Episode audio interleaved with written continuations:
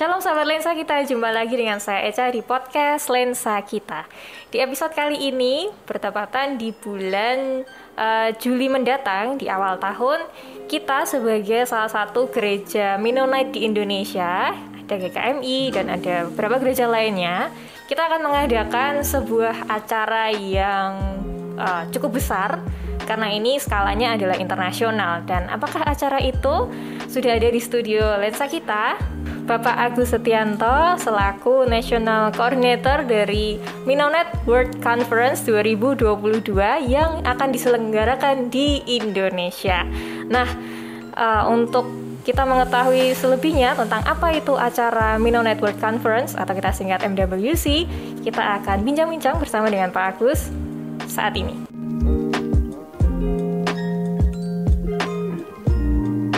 Selamat datang Pak Agus di studio kami.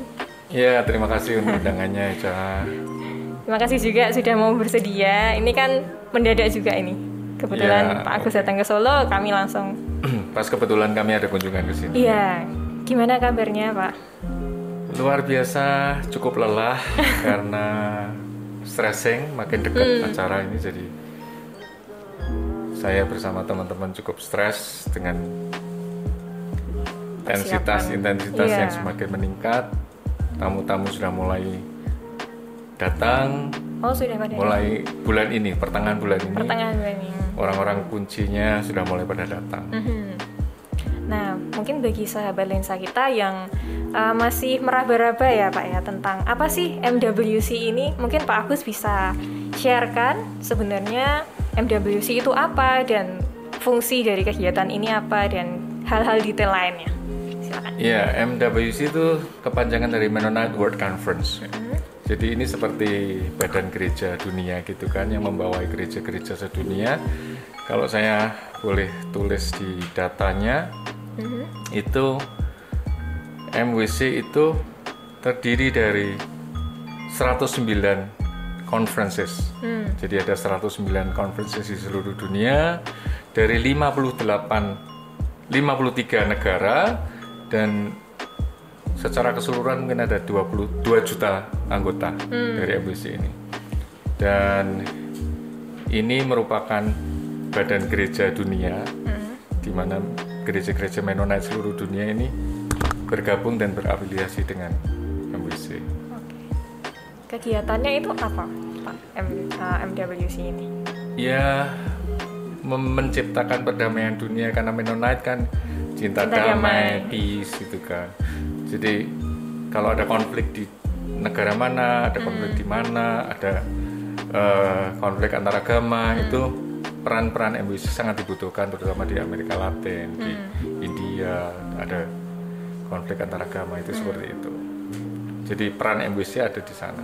Bentuk menciptakan nyatanya? perdamaian dunia. Oke. Dalam bentuk apa itu, Pak? Contohnya? Ya, memfasilitasi kalau hmm. ada konflik-konflik seperti itu. Okay.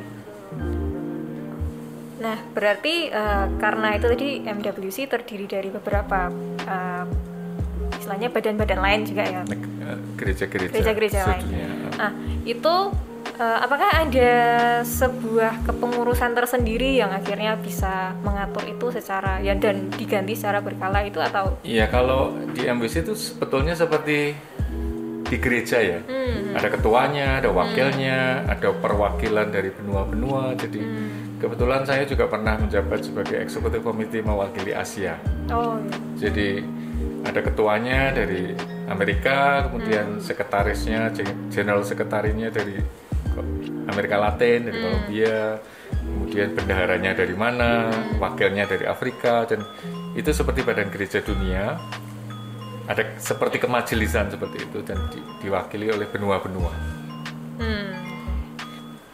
Nah itu uh, di dalam kepengurusan apakah ada seperti pemilihan uh, kayak pemilihan umum itu atau ditunjuk atau siapa yang bersedia gitu? Iya uh, penyelenggaraan MWC pertemuan akbar ini kan hmm. setiap enam tahun sekali. Okay. Dan in between itu ada pertemuan-pertemuan scope yang lebih kecil. Hmm. Jadi tiap enam tahun ada pergantian kepengurusan hmm.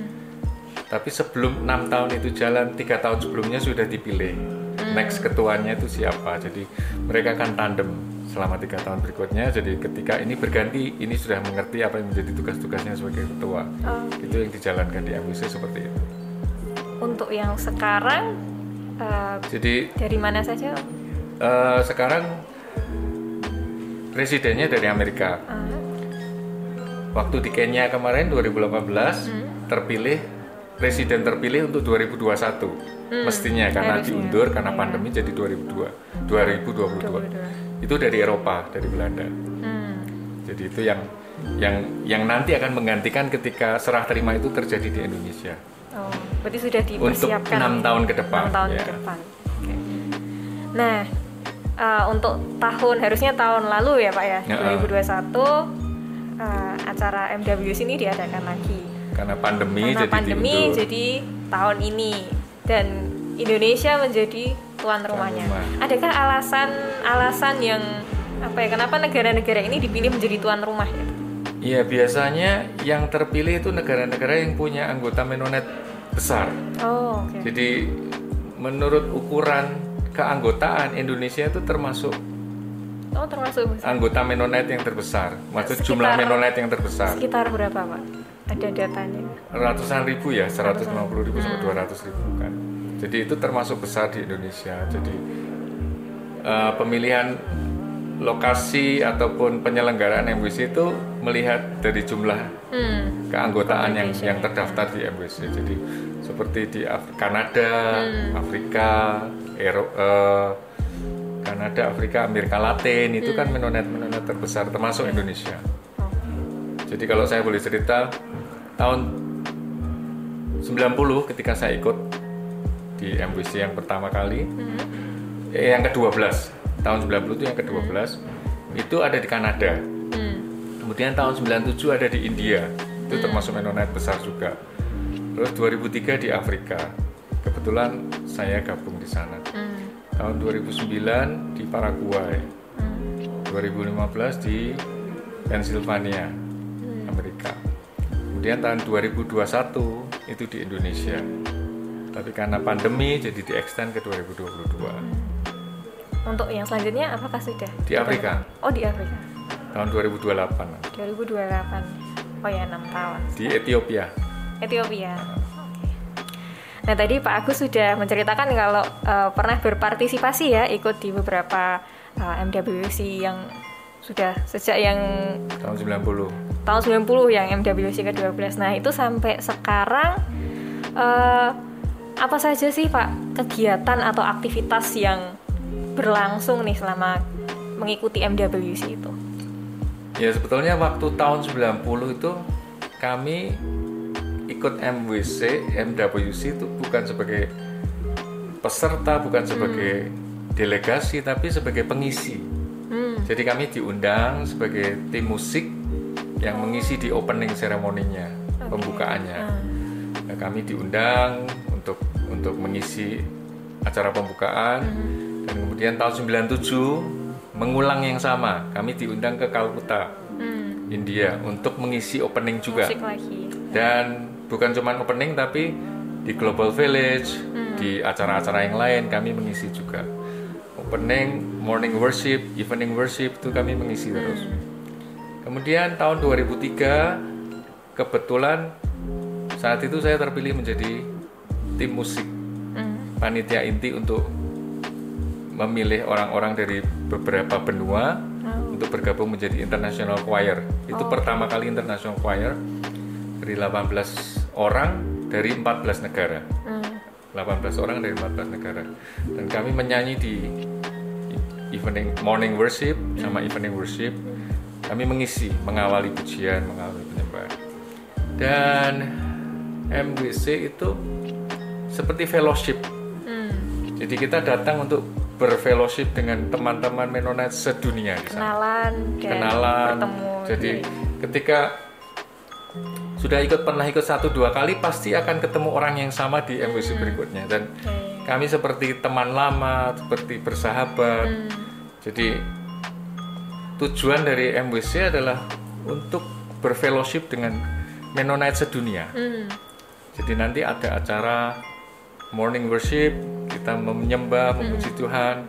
Ya kebetulan saat ini kan lagi pandemi ini paling acara yang paling berbeda dari MBC-MBC sebelumnya karena Oh.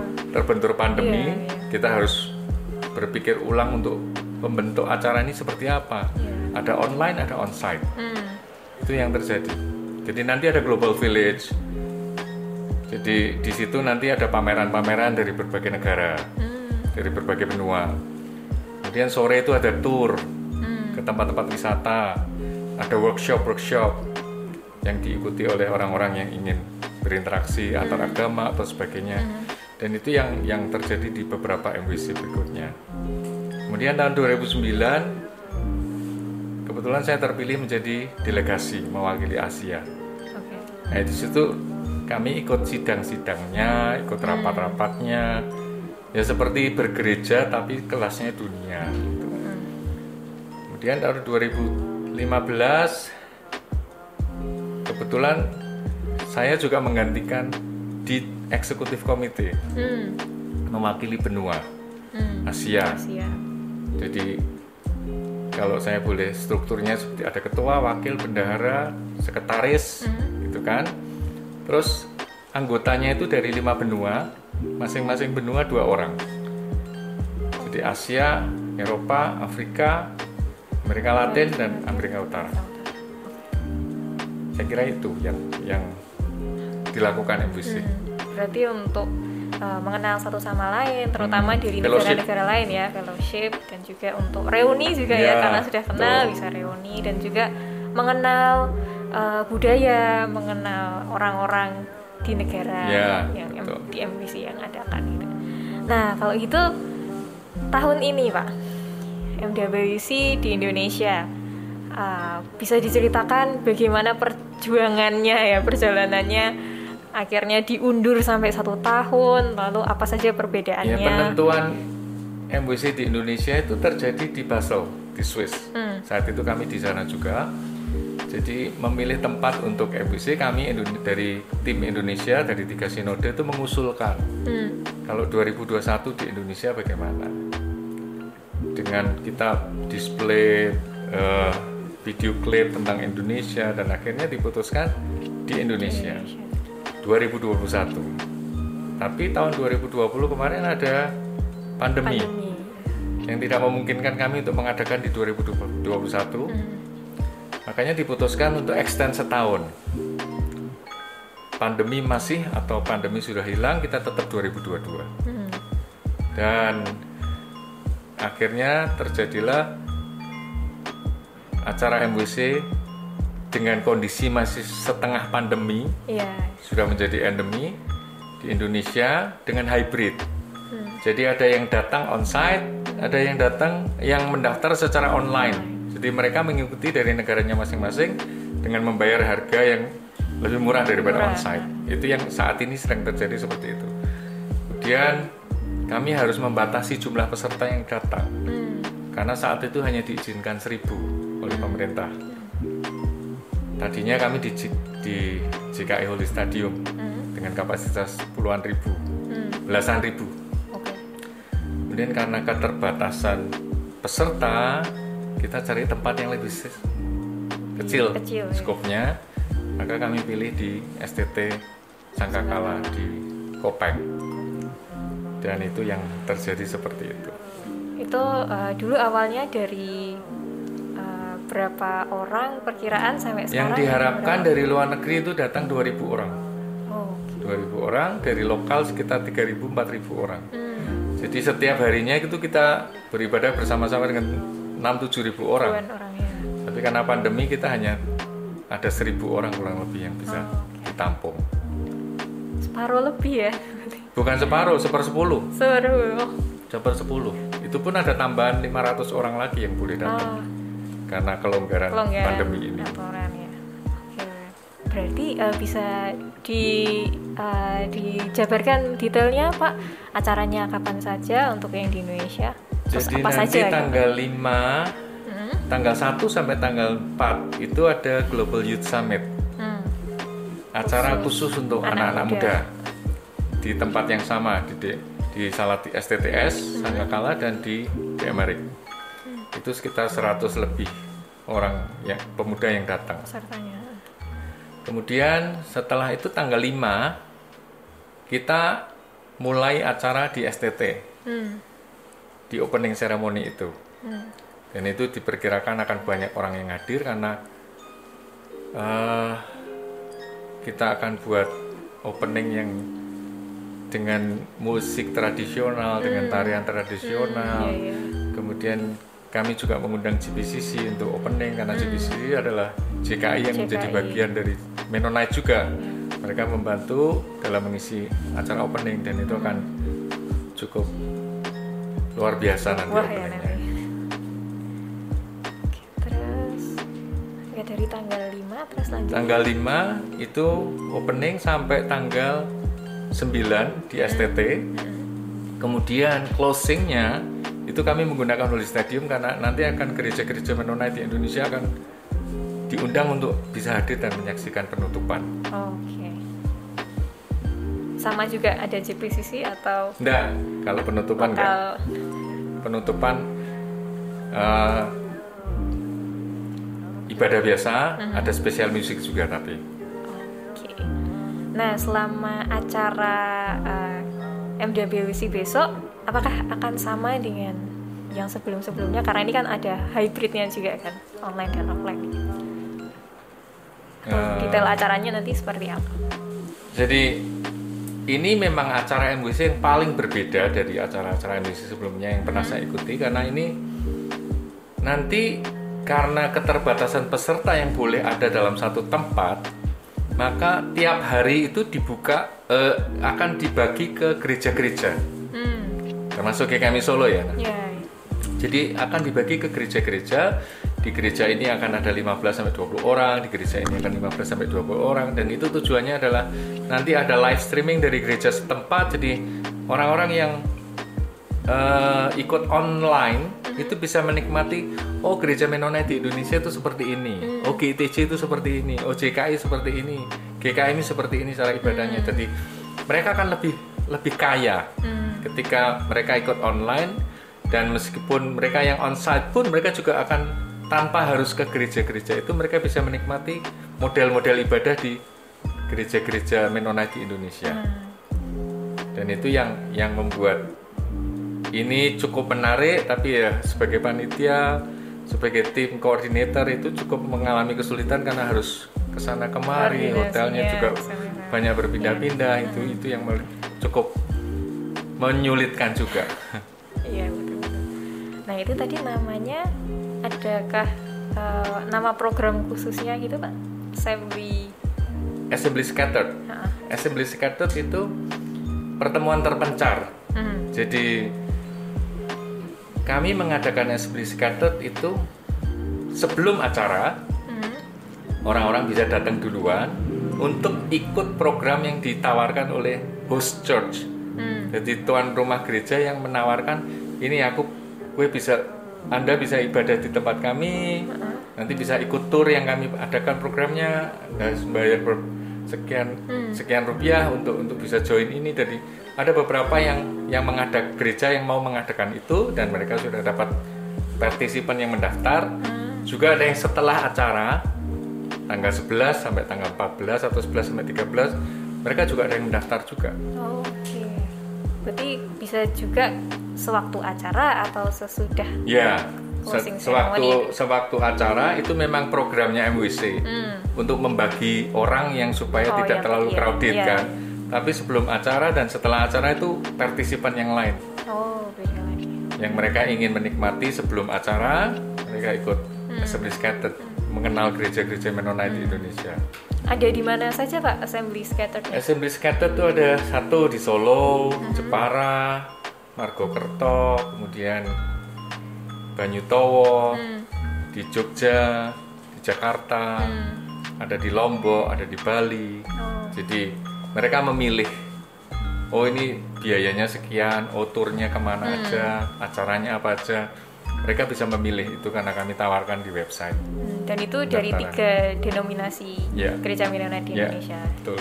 GKMI, GITJ, dan JKI. Oke. Eh, alasan memilih tempat-tempat gereja-gereja lokal itu untuk assembly scared itu apa pak? Iya, kami mulai dari GITC dari Jepara mm-hmm. itu karena kesiapan mereka mm. dan sejarah gerejanya mm. karena gereja yang cukup besar untuk menampung tamu-tamu dengan mm. fasilitas yang bisa diharapkan untuk bisa live streaming dan sebagainya itu yang menjadi dasar kami memilih gereja gerejanya cukup besar bisa menampung banyak orang kemudian kalau yang lainnya karena mereka antusias untuk untuk menjadi host ketika kami tawarkan gereja-gereja yang mau jadi host siapa nah kami memilih hmm. yang merespon duluan dengan kapasitas gereja yang memenuhi kami akan akan follow up hmm. apakah bersedia menjadi host church untuk acara live streaming termasuk hmm. Solo yeah. Solo adalah gereja yang kami tawarkan dan merespon duluan untuk hmm. untuk menjadi host family host hmm. church dan itu menjadi uh, alasan kami kenapa memilih Solo jarak tiga Solo tidak terlalu jauh yeah dan itu yang menjadi dasar kami menentukan kenapa gereja ini kenapa gereja ini ya tidak ada pilih kasih tapi uh -huh. dengan pertimbangan-pertimbangan hmm. yang banyak ya. itu berarti selama nanti peserta MWC memilih eh, tempat-tempat uh, assembly scatternya apakah mereka akan tinggal di host family atau di penginapan kami mengusulkan kalau bisa di host family oke okay, tapi kan tidak semua bisa ditampung di host family. Hmm. Jadi lebih baik, lebih baik dan lebih memudahkan mereka akan ditampung di hotel. Mm. kemudian untuk live streaming untuk acara bisa ditarik ke gereja. Mereka mengikuti acara bersama-sama di gereja bersama jemaat lokal. Oh. itu yang harapan kami seperti itu. Nah tadi kan uh, Pak aku sudah uh, sharing bagaimana serunya acara MWBC ini Pak mungkin uh, sekarang masih bisa buka pendaftaran kah Pak untuk jadi peserta saya kurang jelas untuk waktunya tapi kelihatannya sudah sudah, hampir ditutup, tutup. Oh, tapi dicoba aja siapa okay. tahu masih bisa dan keseruannya ya kita akan berinteraksi dengan banyak orang hmm. kita ketemu mungkin persiapannya kita ngalami stressing tapi ketika udah jalan saya kami sebagai national coordinator harus ngurusin logistik hotel hmm. Tamu-tamu penempatan bus-bus yang harus mengangkut mereka shuttle shuttle yang harus yang harus kami atur jadwalnya itu yang kalau sudah running sih gampang tapi kalau belum jalan ini cukup stres juga iya kalau sudah acaranya ya. sudah berlangsung itu langsung bisa menikmati dan kita enjoy, enjoy. bisa ketemu orang banyak Betul. orang gitu kan berarti itu salah satu uh, hal yang menariknya yes. di situ ya nanti kita kumpul bersama kita sharing bersama juga di situ yeah. kita worship bersama dan tentunya mengenal kebudayaan Indonesia ya itu yang sebagai nilai jualnya istilahnya itu ya pak ya. Yeah.